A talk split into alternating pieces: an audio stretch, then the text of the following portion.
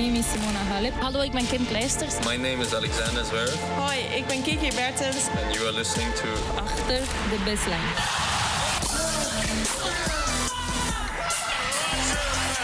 Your champion, Novak Djokovic. Dit is Achter de Baseline. Vanuit Flushing Meadows. Met Abe Kuil en David Avakian. Bij de US Open van 2019 lijkt het eh, steeds minder om het tennis te gaan, maar steeds meer om de randzaken, David. En het is een beetje het feest van eh, de onkort interviews. Hè? Het is eh, van het een naar het andere. Het is uh, Kyrgios, Medvedev, Goff en Osaka. Dat is natuurlijk veel over gesproken de laatste paar dagen. En laten we dat even oppikken, want toen wij gisteren onze aflevering opnamen... Ja, toen gebeurde dat hè, met Osaka en Goff. Dat interview op de baan, we zagen dat een beetje zonder geluid natuurlijk ontstaan. En nou, wat was er nou precies het geval? Um, Goff verloor die wedstrijd van Osaka. En zij werd gevraagd door de Japanse of ze er even bij wilde komen bij het interview op de baan. De, beelden zijn uh, natuurlijk de wereld overgegaan. Allerlei beroemdheden uh, hebben erop gereageerd. En um, ja, David, uh, dat was natuurlijk een heel mooi moment... waarbij de emoties bij iedereen hoog opliepen. Ja, zeker. Bij iedereen. zowel bij Osaka als bij Goff. Het is natuurlijk buitengewoon ongebruikelijk dat een verliezende speler uh, blijft hangen hè, voor het uh, baaninterview. Maar Golf werd dus overtuigd, zoals iedereen ongetwijfeld heeft gezien, uh, door Osaka om, om erbij te komen. Om haar, om, om, haar gevoelens te uiten op dat moment. En niet naar de kleedkamer te gaan en daar te gaan staan huilen onder de douche. Wat het andere scenario is. Maar om hier gewoon ja, blijk te geven van hoeveel waardering ze ook heeft voor, voor de ontzettende steun en voor het moment. Dus dat was, ja. Was, ja, was heel mooi om te zien. Een uniek, uniek moment, zoals je zegt, ging de wereld over. Ook buiten de tennissport uh, werd het uh, ruimschoots opgepakt en uitgezonden. Uh, ja, prachtig moment. Ja, het was vooral mooi omdat dat Osaka dus daar op de baan zei tegen Goff... weet je, kom er nu maar bij en het is beter om nu um, eigenlijk je emoties te laten zien... ten opzichte van iedereen, in plaats van dat je nu straks in je eentje in de douche um, staat te huilen. Want ik, ik heb het gevoel ook meegemaakt, ik weet precies hoe dat dan gaat... En in de persconferentie zei Osaka later ook, dat vond ik ook wel heel mooi... dat ze um, op dat moment al bewust was van het feit van... ja, um, hè, het toernooi is hier nu afgelopen voor, uh, voor, de jonge golf... en eigenlijk, waarschijnlijk krijgt niemand meer mee... wat nou de reactie is van haar op, uh, op wat ze heeft gedaan. Uh, die persconferenties, ja, dat is natuurlijk voor de media is het heel belangrijk... en bepaalde boodschappen worden dan wel overgebracht. Maar de, de fan in het stadion, die zal waarschijnlijk dat allemaal niet meer meekrijgen. Dus... Osaka dacht, daarom laat, wil ik nu graag dat zij ook haar verhaal kan vertellen. Dat zij de emoties kan delen met de mensen. Het is ongelooflijk dat ze daar allemaal mee bezig was. Hè? Dus ook gewoon de, het inleven in, in dat jonge meisje aan de andere kant van het net. Ja, en ze heeft natuurlijk zelf een, een, een soortgelijke situatie meegemaakt vorig jaar in de finale. Uh, waarin zij degene was die uh, wel won, maar in tranen uitbarst eigenlijk als eerste. Omdat ze op dat podium stond en ja, zoals we vaker hebben aangegeven, het hele circus van uh, Serena Williams met, uh, met het umpire Carlos Ramos afspeelde. En het hele publiek ja, daarmee bezig was en niet met haar overwinning. En het was haar prestatie. En ze werd een beetje bijzaak. En ja, dat was voor zo'n jong meisje, destijds was ze twintig uh, geloof ik nog, um, ontzettend moeilijk. En Serena die deed toen ook nog een, een soortgelijke poging om haar een beetje op haar gemak te stellen. Maar dit was anders natuurlijk. Dit was uh, geboren uit iets positiefs. Terwijl dat natuurlijk een uh, soort schadebeperking uh, was, wat Serena deed. Dus ja, Osaka is ook nog hartstikke jong. Golf natuurlijk nog zes jaar jonger. Maar het zijn allebei meisjes die, die, die heel bijzonder zijn. Overigens zit uh, Goff nog wel in het toernooi in het dubbelspel. Met Katie McNally heeft zij vandaag gewonnen van een ervaren duo Peske en Mel. Um, ja, dat is ook ongelooflijk trouwens. Die zijn 15 en 17, uh, die meiden bij elkaar. Die hebben nog nooit een dubbel verloren samen. Ze hebben de junioren-titel gepakt een keer in New York. En uh, goed, dus dat is allemaal een hype die nog dus en, door blijft gaan in het... Washington gewonnen ook, hè? Washington pas geleden gewonnen. Ja, klopt. Ja. En uh, de, de, hype is dus nog niet helemaal voorbij van, van Coco Golf, wilde ik zeggen. Um, wij zijn nu trouwens aan het opnemen terwijl Stan Wawrinka met 2-0 in sets voor staat tegen Novak Djokovic in het Arthur S Stadium. Jij zit nu redelijk rustig in de perszaal daardoor. Want de meeste mensen natuurlijk, uh, uh, de meeste journalisten bezig zijn met die wedstrijd. Daar nou, aan het kijken zijn ook. Een groot gedeelte van de journalisten is ook gewoon uh, aan het wijn drinken hoor, in Manhattan. Dus we moeten niet indruk wekken dat alle journalisten even gedreven zijn als wij. Goed, jij, jij zit in ieder geval op een redelijk rustige plek nu. Dat is wat ik zie in, in mijn, op mijn laptop hier. Ehm, Goed, waar wilde ik heen? Ja, het andere interview gisteren, dat was ook eh, mooi natuurlijk. Want na Goff en Osaka was het de beurt aan Nick Kyrgios. Die ging spelen. En er was een hele kwestie met Kyrgios en de journalist van ESPN, de Amerikaanse sportzender. Ehm Kyrgios had hem gehoord op televisie en had een tweet geplaatst van... eh, ja, wat zei hij nou precies? Van, eh, die man die, die, Die snapt er niks van. ballen verstand van. Hè? Ja. Tom Rinaldi gaat het over. eh, bekend voor iedereen eh, die naar de US Open kijkt. Want die staat steeds die baaninterviews ook te doen. Ehm, man met zo'n echt zwaar Amerikaans accent, hè, David. Eh, Ja, maar het, ik wil niet eh, vervelend doen. En, eh, maar, maar die man die is, die is goed in bepaalde dingen, heel erg.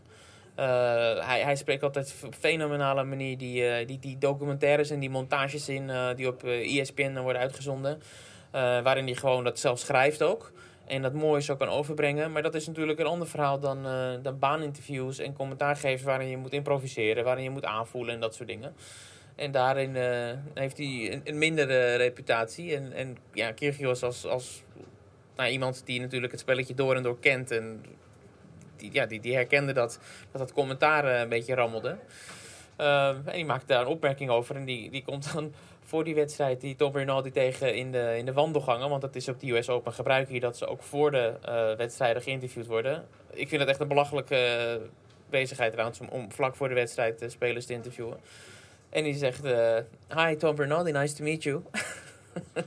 Weten natuurlijk in het achterhoofd eh, wat, wat Kyrgios had gedaan. En Kyrgios komt dan met een grijns aanlopen en die zegt, oh dit wordt geweldig, eh, this is gonna be This is hilarious. Ja. gelijk. Ja. Dus eh, leuk van, van beide heren hoe ze daarmee omgingen. Ja, goed, Kyrgios verloor die wedstrijd van André Rublev. Laten we daar allemaal niet meer al te uitgebreid op ingaan. Ik zit nu trouwens ondertussen, Novak Djokovic geeft op. Dus het is Oh. afgelopen voor, voor Djokovic. Hij loopt de kleedkamer nu in. En het is de schouder waar hij... eh is waar Frinka zit een handtekening op het voorhoofd van een fan ondertussen. Maar ehm, het, is, eh, het is afgelopen voor Novak Djokovic dus. Ehm, ja, laten we dat maar gelijk even oppakken, David. Jij hebt net eh, de eerste twee sets daar sowieso gezien. De openingsset met name was echt van een prachtig niveau. Dat was echt weer die ouderwetse confrontatie hè, tussen Wawrinka met zijn mokerslagen... en Djokovic die eigenlijk ook gewoon prima daarin eh, in meeging... maar toch werd afgetroefd. En in de tweede set zag je al een beetje het beeld ontstaan... dat Djokovic minder tijd nam tussen de punten. Hij kwam een break voor trouwens toch wel... maar liet die set toch uit Ja. handen glippen. En, en ja, je zag dat er iets mis was. Niet zozeer misschien in zijn slagen... maar wel in het hoofd van Djokovic die echt... eh, ja, dus, dus heel weinig tijd nam tussen de punten door en die tweede set verloor. En nu bij een breakachterstand vroeg in set 3 heeft hij eh, opgegeven na nog een korte behandeling aan de schouder daarvoor. En is het Wawrinka die dus door is naar de kwartfinale. Tja, nou dan is het eh, ja, toch terecht geweest dat Djokovic eigenlijk aan het begin van het toernooi aangaf dat, dat hij ergens mee kampt en dat het een dwars zit. Hij, eh, hij was er open over, dus nou, eh, het, is op, opvallend dat het dan, dan nu zo gebeurt. Waarschijnlijk heeft hij geprobeerd om, om te kijken of Wawrinka natuurlijk van zichzelf verliest. Dat kan altijd nog, dat een speler gewoon niet komt opdagen en dat hij op, op 60% nog er doorheen kan. Maar ja, goed, we weten natuurlijk uit het verleden dat Wawrinka een van de weinige spelers is die Djokovic ja, toch consequent op grote podia, op verschillende grote podia op de Grand Slams, over vijf sets heeft weten te verslaan. Dus ja, als, als Wawrinka komt opdagen in zo'n wedstrijd en Djokovic is niet 100%, ja, dan, eh, dan, ja, dan wint hij niet. En dan heeft het weinig zin voor Djokovic om, eh, om door te spelen. Nee, maar ik wil wel benadrukken dat Wawrinka echt heel goed stond te spelen Ja. ook eh, zelf. En, ja, nou ja, dat is dus de, de- het afscheid van de titelverdediger hier. Djokovic, vierde ronde eruit. Dat, ja, Is even een shock, maar... ehm, Ja, dat goed, opent eh, het hele schema natuurlijk. Ja, en we, zijn allemaal benieuwd straks wat hij gaat vertellen verder over, eh, over die schouder. Ja, dat is ja. goed dat je dat zegt. Want Djokovic normaal gesproken na nederlagen en, ehm, en zulke momenten komt altijd razendsnel vanaf de baan meteen naar de persconferentie. Dus er is een kleine kans dat wij zo meteen even een pauze moeten inlassen. Laten we anders eh, snel doorgaan met wat er nog meer is gebeurd vandaag, David. Ehm, Roger Federer, die heeft ook weinig tijd doorgebracht op de baan. Maar dat was dan wel om positieve redenen, want hij was heel snel klaar met David Goffin. Ja. Eh Federer was geweldig, maar Goffin, die, eh, ja, die heb ik niet gezien eigenlijk. Nee, die eh, had vier games. En er was inderdaad in een uur en twintig minuten, net als Dan Evans in de vorige ronde tegen Federer, ja, klaar. Ja, die kwam niet opdagen. En Het was ook het eerste wat de Zwitser zei. ja, ik, ik stond geweldig te spelen, maar ik heb Goffin wel eens eh, beter zien, eh, zien spelen. dus daar, eh, daar maakte hij ook geen geheim van en dat kon iedereen natuurlijk zien. Ja, pijnlijk. Ja, er was, notabene, er was notabene nog een vroege break voor, eh voor Goffin. Maar uiteindelijk pakte hij maar vier games in totaal in die wedstrijd. Hij had de finale nog gehad in Cincinnati. Dus ja, het was toch wel een redelijke verwachting dat hij goed voor de dag zou komen vandaag. Maar eh, niets bleek minder waar. Ehm, bij de mannen blijven dan, David. dan komen we vanzelf ook weer uit op het onkort interview van Daniel Medvedev. Jij luistert even wat er gebeurt daar. Of Ja. Djokovic er komt, Nee, nog niks, nog niks. geval. Daniel Medvedev, hij won van die eh toernooiverrassing Dominic Kupfer. Nummer 118 van de wereld, uit de kwalificaties doorgekomen. Ehm, ja, groot geworden in het college tennis in Amerika. Dus een beetje een laadbloeier die nu aan het, eh, aan het doorbreken is op de Tour. Maar Medvedev won in vier sets. Dat was toch weer een soort ontsnapping, gaf hij na afloop ook aan. Hij stond een set en 2-0 achter. Maar won toch in vier sets. We zagen dat hij flink was ingetaped op zijn bovenbenen, zijn zijn schouder. Ehm, hij staat echt op, op kraken, fysiek gezien, Medvedev. Maar waarom heeft hij gewonnen, David, vandaag? Dankzij het publiek, wederom. Ja, het was een, eh, een herhaling in zekere zin van de vorige wedstrijd tegen, tegen Lopez, waarin hij eh, werd uitgefloten. En ja, dat hele verhaal is natuurlijk overgewaaid naar deze wedstrijd. En vanaf het begin af aan was het al duidelijk dat eh, het publiek het niet was vergeten. het optreden in, in die vorige wedstrijd. En ja, hij, werd er weer doorheen gesleept. Hij, hij slokte die energie van het publiek op. En, en door de kramp. En hij zei: Ik heb een lading aan pijnstillers ingeslikt om, om, om hier doorheen te kunnen komen. Maar ja, de, hulp die ik eh, van jullie kreeg was weer eh, bijzonder waardevol. Dus ga er vooral mee door. en hij maakte een dansje aan het einde. Eh, dat was overigens om zijn blijdschap te tonen, niet om het publiek te jennen. Ehm, maar ja, het, het, was, het is een bijzondere ja, verhaallijn. Of deze US Open. Ik vond het wel grappig, want hij werd geïnterviewd door, eh, door, door Andrew Kresny. Is dat. dat is iemand die echt, echt tien toernooien per jaar ongeveer doet. Met, met baaninterviews en binnen- en buitenland. En vooral in Noord-Amerika actief is natuurlijk. En die wilde dat een beetje vermijden, dat onderwerp van de- het, het boelgroep van het publiek. Die stelde een hele neutrale vraag. En Medvedev dacht gelijk van ja, eh, het zal me wat. Ik, eh, ik ga daar gelijk Ja, weer over maken. beginnen verder. Ja. Ehm, tweede vraag van Kresny was weer iets van... nou, je gaat nu spelen tegen Djokovic of, of Wawrinka. Wat verwacht je van die wedstrijd? Het, ook weer zijn Medvedev. Ja. Ja. ik hoop dat het publiek weer dan zo tegen me juicht. Want het helpt me alleen maar op die manier. En jullie waren fantastisch vandaag met z'n allen. Ja. Dus Ja, dat was weer eh, ja, heel komisch. Ja, het, ik, ik zal wel even iets meer zeggen over die persconferentie. Ehm, overigens was twee dagen geleden, toen hij die wedstrijd eh, verloor, was het één grote chaos hier in het mediacentrum. Er waren er maar een handvol journalisten over. Nee, handvol, ik denk een stuk of twintig. En normaal gesproken zijn er honderden. En de regel is dat je een persconferentie moet aanvragen. Ehm, nu werd het, was dat niet gedaan voor Medvedev. Dus de lui hier die, eh, ja, die de interviews regelen, die zeiden eh, doodleuk na, na, na dus die chaotische wedstrijd tegen Lopez. Ja, er zijn geen aanvragen voor Medvedev, we doen geen persconferentie. Ja, iedereen in rep en roer van hoe kan dat nou? Je, je, ziet het zelf toch ook dat dit een, een, een belangrijk moment is. Dat wij natuurlijk, natuurlijk met hem willen spreken. Dus eh, als er geen aanvraag is gedaan, werd door een paar collega's gezegd... maak dan zelf even een rondje en vraag... eh, eh, we- wees er zeker van dat, dat niemand hem wil spreken. Nou, dat was één groot gedoe. Eh Medvedev nergens te bekennen. De, de agent van Medvedev, de Nederlander Olivier van Lindonk... die eh, dacht ook eh, yes, geen aanvragen. Dus we kunnen snel oppoepelen uit, van het park. Uiteindelijk zijn we met een aantal mensen nog richting de kleedkamers en richting de lounges gegaan om, om, om ja, daar verandering in te brengen. Want het was natuurlijk een ge- geweldig moment. En uiteindelijk hebben we... Ja, en vooral natuurlijk, omdat na afloop gebeurde dat allemaal met, Ja. met, die, met het onkort interview. Ja, Ja. en toen was het natuurlijk te laat om die aanvraag nog in te dienen. Maar ja, het is logisch dat je dan wel na zo'n incident Ja, eh, dan moet je... wat, wat meer, wat meer uit wil halen als, eh, als journalist. Ja. Dus na lang getouwtrek en eh, onderhandelen kregen we drie vragen. In de mixzone, niet in de persconferentiezaal. Ergens in de wandelgangen buiten de kleedkamer stonden we daar als, een, als een kudde schapen om hem heen. En werden we heel strak aan het lijntje gehouden. Vraag 1, vraag 2, vraag 3. Het duurde bij elkaar denk ik 1 minuut 20. Eh, en het was klaar. Dus nu de persconferentie vandaag, eh, ja, kon, kon hij niet ontkomen aan, aan alle andere vragen. En hij, hij vermijdt het zelf ook niet hoor. Hij vindt het hartstikke geweldig om erover te praten, zien we ook in die baaninterviews. Ehm, hij erkende wel, dat is wel belangrijk om te noemen, dat het allemaal natuurlijk begon bij die lompe actie van hem met die ballenman en met die handdoek. En hij zei daarover, ja, dat is gewoon eh, dom van mij, dat, dat, moet ik niet doen. En ik probeer, ehm, ja, ik probeer mezelf te verbeteren, mijn gedrag te verbeteren. En dat brengt mij op eh, een nog wonderbaarlijker punt. Dat hij met een soort psycholoog reist. En die psycholoog die zat dus tijdens die show op de eerste rij van zijn box. dit allemaal te aanschouwen, wat, wat Medvedev allemaal uitvoert. Dus ehm, ja, dat is natuurlijk eh, te gek voor woorden dat, dat het allemaal zo, zo gebeurt. Ja, hij graaide dus inderdaad een handdoek uit, eh, uit de handen van die, die ballenman, Ja. eh, wat je zei. En daar begon het allemaal een beetje mee, die ellende. Ehm, goed, Medvedev dus in de kwartfinale nu tegen Stan Wawrinka. Dat, is, dat weten we nu allemaal. Ehm, ik wil even doorgaan, David, want we hebben nog meer te bespreken. Grigor Dimitrov, nummer 78 van de wereld deze US Open. Die heeft eh, de laatste maanden nauwelijks een wedstrijd gewonnen. Heeft dit jaar ook ja, eigenlijk al langer ehm, last gehad van zijn schouder. Zijn service is daardoor heel eh, kwetsbaar geweest. Maar ineens staat hij hier in de kwartfinale. Hij won vandaag van Alex de Minar, 7-5, 6-3, 6-4. En ehm, dat is toch ook ineens weer een eh, Ja, apart verhaal zo. ja, de klasse die hij wel heeft. Hij heeft niet voor niks natuurlijk de World Tour Finals een keer gewonnen. Cincinnati, een groot Masters toernooi. En natuurlijk jarenlang bestempeld als, eh, als, als het grote talent. Ja, hij staat hier en hij wordt nog altijd eh, gecoacht door eh Andre Agassi en Radek Stepanek. Nou, dat is toch een stevig duo. Die zullen ook wat kosten, lijkt me, met z'n tweeën. Maar ja, één ding wat we altijd kunnen zeggen over Dimitrov is dat hij altijd volledig, eh, volgens mij wel met zijn sport bezig is. Hij traint ontzettend veel en eh, hij is ontzettend fit altijd. Ehm, ja, het- het is meer een mentale kwestie voor hem altijd geweest. En als hij alles op een rijtje heeft, ja, het is natuurlijk een geweldige tennisser.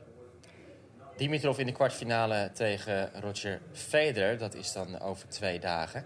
Ja. Ehm, dat zijn dan de mannen geweest, eh, David, eh, denk ik. Hè? Dan kunnen we door naar de, de vrouwenpartij. Daar zijn natuurlijk grote verrassingen geweest vandaag. Want de nummers 2 en 3 geplaatst zijn uitgeschakeld. En dan beginnen we met Ashley Barty. Die verloor van Wang Chang uit China. Die heeft voor het eerst nu een kwartfinale gehaald bij een Grand Slam toernooi. Het werd 6-2 en 6-4. Ja, en dat is vooral wel leuk voor de Chinezen. ehm, omdat zij natuurlijk niet, eh, niet lang geleden haar, eh, haar coach, haar succescoach, verloren. Hij was overleden. Eh, de Zuid-Afrikaan. Hè? Nee, Aussie. nee, Aussie. ehm, Australiër. ja. Australiër, sorry. Ik, eh, Peter McNamara. Ja, Eh, ja bij- legendarische coach hè, eigenlijk. En eh leuk, leuke samenwerking van die twee was dat altijd. Ehm, en dat zij ja, daar zo overheen is gekomen eh, vrij snel. En nu ja, haar beste Grand Slam resultaat ooit haalt. En als beloning tegen Serena Williams mag spelen. Iets waar ze van zegt dat ze, dat ze er erg naar uitkijkt. Ja, Peter McNamara is ehm, ook een oud speler geweest natuurlijk, die heel veel successen heeft eh, behaald. Maar hij, heeft, ehm, hij is overleden aan prostaatkanker. Dat is vrij ja, drastisch binnengekomen in de tenniswereld. Want het werd een, een beetje verborgen gehouden door, eh door McNamara dat hij er last van had.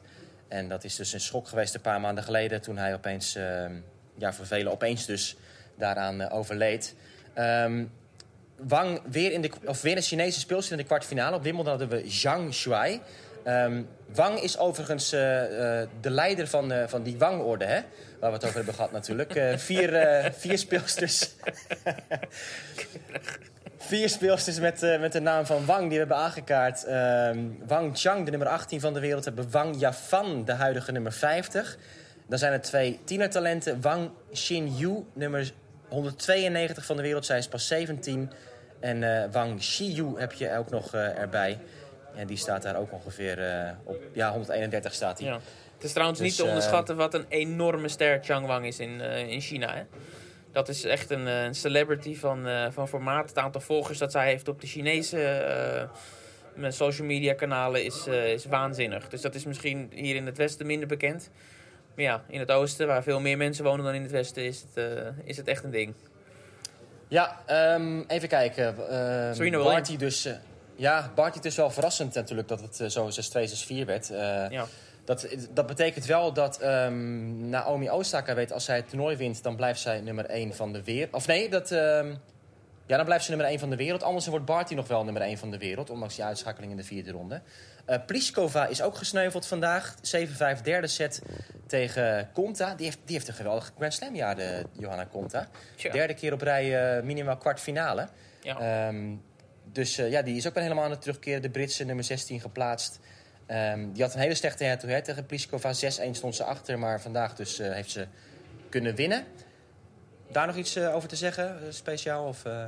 Nee, ja, nee, alleen dat Goed, we hebben het eerder aangegeven. Het is echt een speelster die als, eh, als, als ze echt goed staat te spelen... gewoon ja, niet te stoppen is. Hè? Kijk, nu was het natuurlijk een close wedstrijd. En al had ze die eerste set ook moeten winnen, hoor, overigens tegen Pliskova. Ehm, maar ja, het is iemand die, die, die, die, als ze zich goed voelt, onhoudbaar kan zijn. Dus dat is interessant om te zien tegen Svitolina. ja, dat is... eh, nou, ik geef haar denk ik daar de voordeel van de twijfel zelfs. Nummer 4 van de wereld is ze geweest. Hè? Komt Ja. uit 2017 eh, voor de duidelijkheid. En eh, Ja. Dit jaar dus halve finale Roland Garros gehaald. Het was best een verrassing. Kwartfinale Wimbledon. En nu minimaal kwartfinale hier op, eh, op de US Open. Zij gaat tegen Svitolina spelen inderdaad. Die heeft eh, zich gerevancheerd voor het feit dat zij twee jaar terug van Madison Keys verloor bij deze US Open. Toen Keys de finale haalde. Eh Svitolina won vandaag met 7-5, 6-4. Opmerkelijk aan die wedstrijd was dat ze eigenlijk op eigen service heel sterk was. Ze heeft geen breakpoint tegen gehad in de hele partij. Dus dat was een mooi optreden voor eh, Svitolina. Op de verjaardag trouwens van Gael Monfils, die erbij was. Monfils is vandaag 33 geworden. Ook wel geinig dat hij dus vandaag in de spelersbox zat bij een avondpartij van Svitolina. En gisteren was het omgedraaid. Toen eh, Monfils natuurlijk die prachtige partij tegen Shapovalov speelde. Ook nog wel even leuk om, om te melden. En ehm, ja, Monfils dus en Svitolina allebei nog zorgen zij ervoor dat de Gems live goed vertegenwoordigd is bij deze US Open. Dan hebben we Serena Williams tegen Petra Martic. David 6-3, 6-4. Het was even schrikken in de tweede set. Want wat eh, gebeurde er toen? Sorry, ik eh, zie allemaal commotie eh, rondom mij. Ik zie iedereen naar de persconferentiezaal rennen. Dat betekent Oh dat Novak Djokovic eraan komt. Kunnen wij een Nou, kleine wordt- pauze inlassen? Dat wordt een bijzonder moment. David gaat even heel snel naar de persconferentie rennen van Djokovic. En dan horen we straks hoe dat was.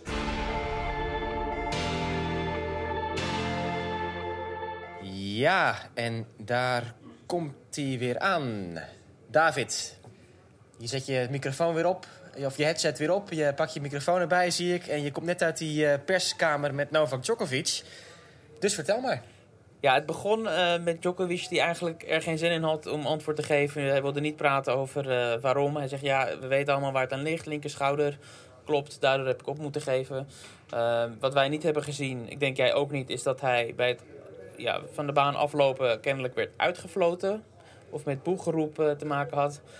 Nou, daar hapte hij ook niet op, op die vraag om te zeggen hoe vervelend hij dat vond. Hij zegt, eh, ja, maakt, ja, weet ik niet, maakt niet uit. Mensen kwamen hier natuurlijk om een wedstrijd te zien en hebben nu na twee sets eh, ja, afscheid moeten nemen. Dus hij had overal begrip voor. Ehm, ja, verder werd nog aangekaart, ja, hoe frustrerend is het nu dat het juist op een Grand Slam is. En juist nu je ja, op jacht bent natuurlijk naar al die Grand Slam records ook. eh, hè, met, met Federer en Nadal die nog eh, voor hem eh, staan. Daarover zei hij, ja, natuurlijk is het hartstikke frustrerend dat ik nu moet opgeven. Maar tegelijkertijd, ik heb nog jaren vooruit gepland. Ik ben, het, het einde is bij mij nog lang niet in zicht. Dus ik zal nog wel genoeg kansen krijgen om, eh, ja, om, om dat te doen. Ehm, op korte termijn natuurlijk ja, weet hij nog niet wat er gaat gebeuren. Hij moet het gaan evalueren. Eh, hij weet, zei hij, dat hij normaal gesproken het eindejaar met indoorseizoen en Azië... Ja, is, is hij gewoon ijzersterk normaal gesproken. Dus dat is nu wel iets wat eh, onzeker is. eh, hoe goed hij daar ja, voor de dag zou kunnen komen. En hij hoopt Tokio te kunnen spelen, het eerstvolgende toernooi.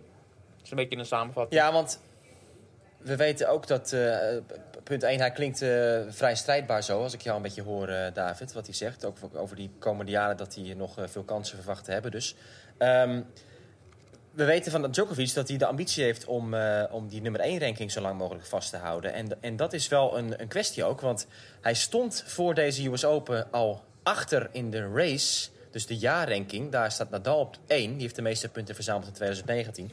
Dus Djokovic zou echt nog een aantal goede resultaten moeten halen dit jaar. Als hij als nummer 1 wil eindigen. Want de normale ranking heeft hij nu nog een flinke voorsprong. Maar goed, vorig jaar heeft hij natuurlijk eh, flink huis gehouden. Eh, De US Open winst en, en het najaar goed gespeeld. Dus ehm, op ja. dit moment Nadal op pole position om nummer 1 te eindigen. En, en Djokovic eh, moet dus echt, als je dat echt heel graag wil... Ja, zal hij nog een aantal eh, mooie eh, toernooien moeten spelen. Ja, maar tegelijkertijd hebben wij Nadal natuurlijk ook gehoord gisteren. En Nadal die heeft letterlijk gezegd dat hij absoluut niet van plan is om na de US Open eh, flink huis te gaan houden in, bij toernooien. Dat hij een, een paar toernooien nog voor zich ziet na de US Open om te spelen. Waarvan er één ongetwijfeld het eindejaarstoernooi zal zijn. Dus het is niet dat eh, Nadal eh, alle pijlen erop heeft gezet eh, om, om, om, om die nummer 1 positie te veroveren. Zo lijkt het. Tenzij hij natuurlijk dit nu waarneemt en denkt van ja, misschien moet ik toch maar wat minder vrije tijd nemen en er vol voor gaan. Ja, nou ja, goed. Het, als Nadal natuurlijk nu al de finale US Open haalt of het toernooi wint... dan bouwt hij al gelijk een flinke, flinke buffer op. Maar dat is even iets voor een andere keer om daar verder op in te gaan. Over al die scenario's. Djokovic dus nu naar huis. Ik stelde jou de vraag, voordat dit allemaal gebeurde, hoe het met eh, Serena Williams ging. Want daar was ook even een fysiek probleempje in de tweede set. Maar dat leek toch wel mee te vallen uiteindelijk. Ja, ze ging door haar enkel bij het slaan van een volley, althans bij het landen. Uh, en ja, bij mij uh, was er de flashback en bij velen en ook bij haarzelf uh, naar de Australian Open, waar ze tegen Pliskova speelde. En daar op een gegeven moment tegen het einde van de wedstrijd, eigenlijk had ze die wedstrijd in handen. Um, maar toen 5-1 derde set. 5-1 voor derde set, ja, was al binnen eigenlijk. En toen ging ze, ging ze door haar enkel. En verloor ze volgens mij een reeks van 10 punten op eigen service op rij. Of ze kreeg ze de service niet in. Ehm, dat was een ernstig geval van door haar enkel gaan. Uh, nu was het niet zo. Ze speelde tegen Petra Martic en kon die wedstrijd gewoon netjes met 6-3, 6-4 uh, afsluiten. Dus het lijkt niet zo erg te zijn. Ze gaf vandaag aan dat ze ja, morgen uh, dat gaat bekijken hoe het ervoor staat. Maar ik kreeg niet de indruk dat ze zich heel veel zorgen maakt. Nee, dus uh, Serena won in straight sets van Petra Martic. Staat ook weer in de, in de kwartfinale. Um, even kijken, volgens mij hebben we dan alle uitslagen wel eens een beetje gehad. Hè? Dat... Dat gaat dus de goede kant op waarschijnlijk voor, voor Serena wel met, met het oog op, op dat probleem. Um, er was nog een boete vandaag, David. Dat was wel een opmerkelijk incident, want Mike Bryan... die heeft een, uh, een, een, gebaar gemaakt alsof hij een, een lijnrechter ging neerschieten hè, met zijn racket. Ja, dat, dat is natuurlijk in deze tijd... ja, Bij een deel van bizar. de bevolking valt het niet in goede aarde. Bij, bij een groot deel van de Amerikaanse bevolking... Wordt er natuurlijk aangemoedigd. En, maar dat is, ja, zeker op een tennisbaan hoort dat niet thuis. En die boete was 10.000 dollar. Ja, ja. dus dat was nog een opvallend moment. Um, we kunnen naar de dag van morgen, denk ik, hè, met, met de vierde rondes die dan worden afgemaakt allemaal. Wat springt er voor jou uit? De eerste wedstrijd eigenlijk, meteen op Arthur Ashe. Naomi Osaka tegen Belinda Bencic in de vorige aflevering uh, ja, praatte ik er al een beetje naartoe dat, uh, dat, dat Bencic... Eigenlijk al, al drie, drie afleveringen geleden volgens mij had ik het al over deze wedstrijd. Zoveel zin heb ik daarin. Ja, Bencic die, die speelt gewoon ontzettend goed tegen, tegen Osaka. En, en Osaka gaf zelf aan in de persconferentie dat ze ja, het niet helemaal door heeft nog hoe ze, hoe ze tegen Bencic moet spelen. Dus het wordt uh, ja, een absolute kraker. Ik vind het enerzijds een beetje jammer dat het, uh, dat het een middagwedstrijd is. Het is bijna een ochtendwedstrijd. Het begint om 12 uur al. Um, ja, dus ik, ik, verwacht een, een ontzettend uh, gevecht. We moeten wel in ons achterhoofd ja. natuurlijk houden dat, dat, dat Osaka op een Grand Slam toernooi op hardcourt... wanneer voor het laatst verloren heeft? Ze heeft de US Open ja. vorig jaar gewonnen. Ze heeft de uh, Australian Open dit jaar gewonnen. Dus op hardcourt winnen van Naomi Osaka op een Grand Slam toernooi... is wel even een, uh, een uh, ja, prestatie die vereist wordt. Ja, ik zit, uh, ik zit ook al een beetje te wachten op het uh, volgende goede resultaat van Belinda Bencic. Want dat voorjaar was natuurlijk zo fantastisch. Ja. Ik heb die resultaten hier nu, uh, nu bij staan ook. Um, Dubai, dat won ze door te winnen achter en volgens van Sabalenka, Halep, Svitolina en Kvitova. Toen speelden ze ook heel goed in Indian Wells. Daar won ze van Pliskova en van Osaka. En dat werd daar 6-3 en 6-1 maar liefst voor Bencic tegen uh, de Japanse. Die ook toen nummer 1 van de wereld was trouwens. Ja, en het is een beetje afgekoeld toen daarna. Toen de transitie kwam naar het gravel, naar het gras. En um, ook daar heeft ze wel een aantal aardige resultaten gehad. Maar ja. niet meer zo prominent in de spotlights als, uh, als daarvoor natuurlijk. Dus ik had haar wel een beetje in mijn achterhoofd voor deze US Open. Hardcourt is haar favoriete baansoort. En ja, dat zou echt zomaar een, een verrassing kunnen worden, wat jij zegt, ja. uh, die partij morgen. Dus dat, uh, dat is allemaal erg interessant. Ja. Benji is hier als dertiende geplaatst. Natuurlijk is ook een affiche mooi Cilic tegen Nadal, hè, de, de kampioen van 2014 tegen, ja, tegen de, de, man in bloedvorm ook Nadal. Die heeft de Masters titel gewonnen deze zomer. Die is ook al een tijd ongeslagen. Um, maar goed, Cilic, hè? Wat? Ja, jij kondigt het aan alsof het uh, een enorme kraker uh, gaat worden. Maar dat, dat, dat, wordt natuurlijk normaal gesproken een, uh, een eenvoudige zege voor uh, Rafael Nadal. Nou, gezien het Cilic van dit jaar inderdaad. Ja. Maar goed, je weet niet of hij het ineens een beetje voor elkaar krijgt, zijn spel. Het is natuurlijk in principe een gevaarlijke tegenstander van Nadal gebleken, ook in het verleden. Maar um, hij is hier maar als 22e geplaatst. Cilic dus het geeft aan dat hij zeker niet in topvorm verkeert. We moeten toch weer terug naar de vrouwen, denk ik, als we het hebben over het andere affiche. Wat, wat mij ook heel erg aanspreekt. Dat is Taylor Townsend tegen Bianca Andreescu. Ja, die dat, krijgen wel het avondslot, hè? Late ja. avond op Arthur Ashe. Dat wordt smullen. Tweede avondpartij. En eh, ja, ik denk dat het echt een setting is voor, eh, voor Bianca Andreescu. Ehm, ik heb... eh, ik, ik weet niet of jij die aflevering hebt gehoord een paar dagen geleden van, van eh, onze collega's van de tennispodcast, eh, onze, onze Britse collega's. Daar was eh, Simon Briggs ook even te gast om, om wat te vertellen over Bianca Andreescu. En die voor, verwoordde het heel mooi over het karakter dat Andreescu heeft. Hè? Dat, dat zij dus toen ja, niet zo populair is bij de rest van de, de speelsters. Wat jij ook al een keer hebt verteld in, in Achter de Baseline. Dat zij een beetje toch al op jonge leeftijd een beetje een soort diva is in dat opzicht. En die Simon Briggs verwoordde dat heel mooi. Die zei van, ja, kijk, Bianca Andreescu die heeft zo'n zo'n personality. Die kwam in de kleedkamer echt met zo'n houding van... check me out! Ja. dat is natuurlijk eh, precies, precies hoe het is. En ook deze US Open was er al een moment dat ze in een persconferentie... een beetje werd gevraagd van... eh, hey, je, je staat op baan 10 te spelen, je staat op baan uh, Huppel de Pub te spelen... ver weg van de stadions. En dat ze ook echt wel gelijk aangaf van... eh, ja, ik, eh, ik ben wel toe eigenlijk aan, eh, hè, aan een groot stadion en eh, zet mij daar maar neer. Nou, morgenavond gaat het gebeuren. Ehm primetime, tweede avondpartij tegen Taylor Townsend. Ja, je hebt het allemaal eh, mooi neergezet. Ik, eh, we hebben het al eerder aangegeven dat zij echt eh, een, enorme ster in wording is. En haar tennis is, is ook waanzinnig. Ze kan alles, ze heeft alles in huis. Ze kan aanpassen. Ehm, ze is eigenlijk een soort verder geëvolueerde versie van, eh, in zekere zin, van Coco Gauff. Die natuurlijk ook geprezen wordt op, om, om hoe zij eh, tijdens de wedstrijd ja, dingen kan omzetten, omschakelen in haar spel. Ja, Andreescu is natuurlijk al een, paar stappen verder. En ja, we moeten misschien nog maar een keer het geheugen van de luisteraar opfrissen. Dat zij ehm, ja, een aantal bijzondere statistieken heeft. Hè? Dat ze nog nooit van een top 10 speelster heeft gewonnen. eh, verloren, Verloren. sorry. Ze heeft er zeven keer tegen een top 10 speelster gespeeld en, eh, en nooit verloren. Het is echt een big match player. Ze heeft niet meer verloren sinds maart. Ja, ook zoiets. Ja, ze speelt dan. eh, Kijk, als je niet opkomt dagen eh, door blessures, dan kan je natuurlijk ook niet verliezen. Maar het, het, het klinkt toch heel vreemd inderdaad, ja, dat ze sinds maart niet heeft verloren. Iemand vroeg dat ook haar in haar laatste persconferentie. Van, eh, voelt het voor jou ook alsof je al lang geen wedstrijd meer heeft, hebt verloren? En eh, ze zei van ja, dat, eh, dat voelt inderdaad Ja. zo. Ja, er was trouwens nog een grappig moment in haar persconferentie... dat een journalist die niet eh, geweldig geïnformeerd was... haar confronteerde met het feit dat ze... eh, nou, ja, mogelijk als er allerlei scenario's en dingen goed lopen... dat zij de top 10 zou eh, bereiken. Maar het kwam bij haar binnen alsof ze met het winnen van eh, haar tweede ronde, geloof ik... al die top 10 had bereikt. En zij was, oh echt? Dat ben je niet echt? Dat wist ik helemaal niet. Maar goed, het is natuurlijk ook helemaal niet zo. Op basis van die virtuele ranking maak jij ook kans, Abel, om de top 10 eh, in te komen volgende week. Dus dat, ja, dat was nog een grappig moment. Ja, Alexander Zverev die speelt tegen Diego Schwartzman in de dagsessie ook. En dan hebben we de vier partijen in het Arthur Stadium eh, de revue laten passeren. Julia Gurkes, de bedwingster natuurlijk van Kiki Bertens, die gaat spelen tegen Donna Vekic. En ehm Christy Aan, David, Ja. die verdient ook even wat aandacht. Eh, hè? Aandacht, sorry, dat is eh on- onbewuste grap was dat. Het is la- laat op de avond. Ehm, wat maakt haar verhaal zo bijzonder? Ze staat hier in de vierde ronde tegenover Elise Mertens. Ja, er zijn verschillende elementen aan haar verhaal die eh, heel bijzonder zijn.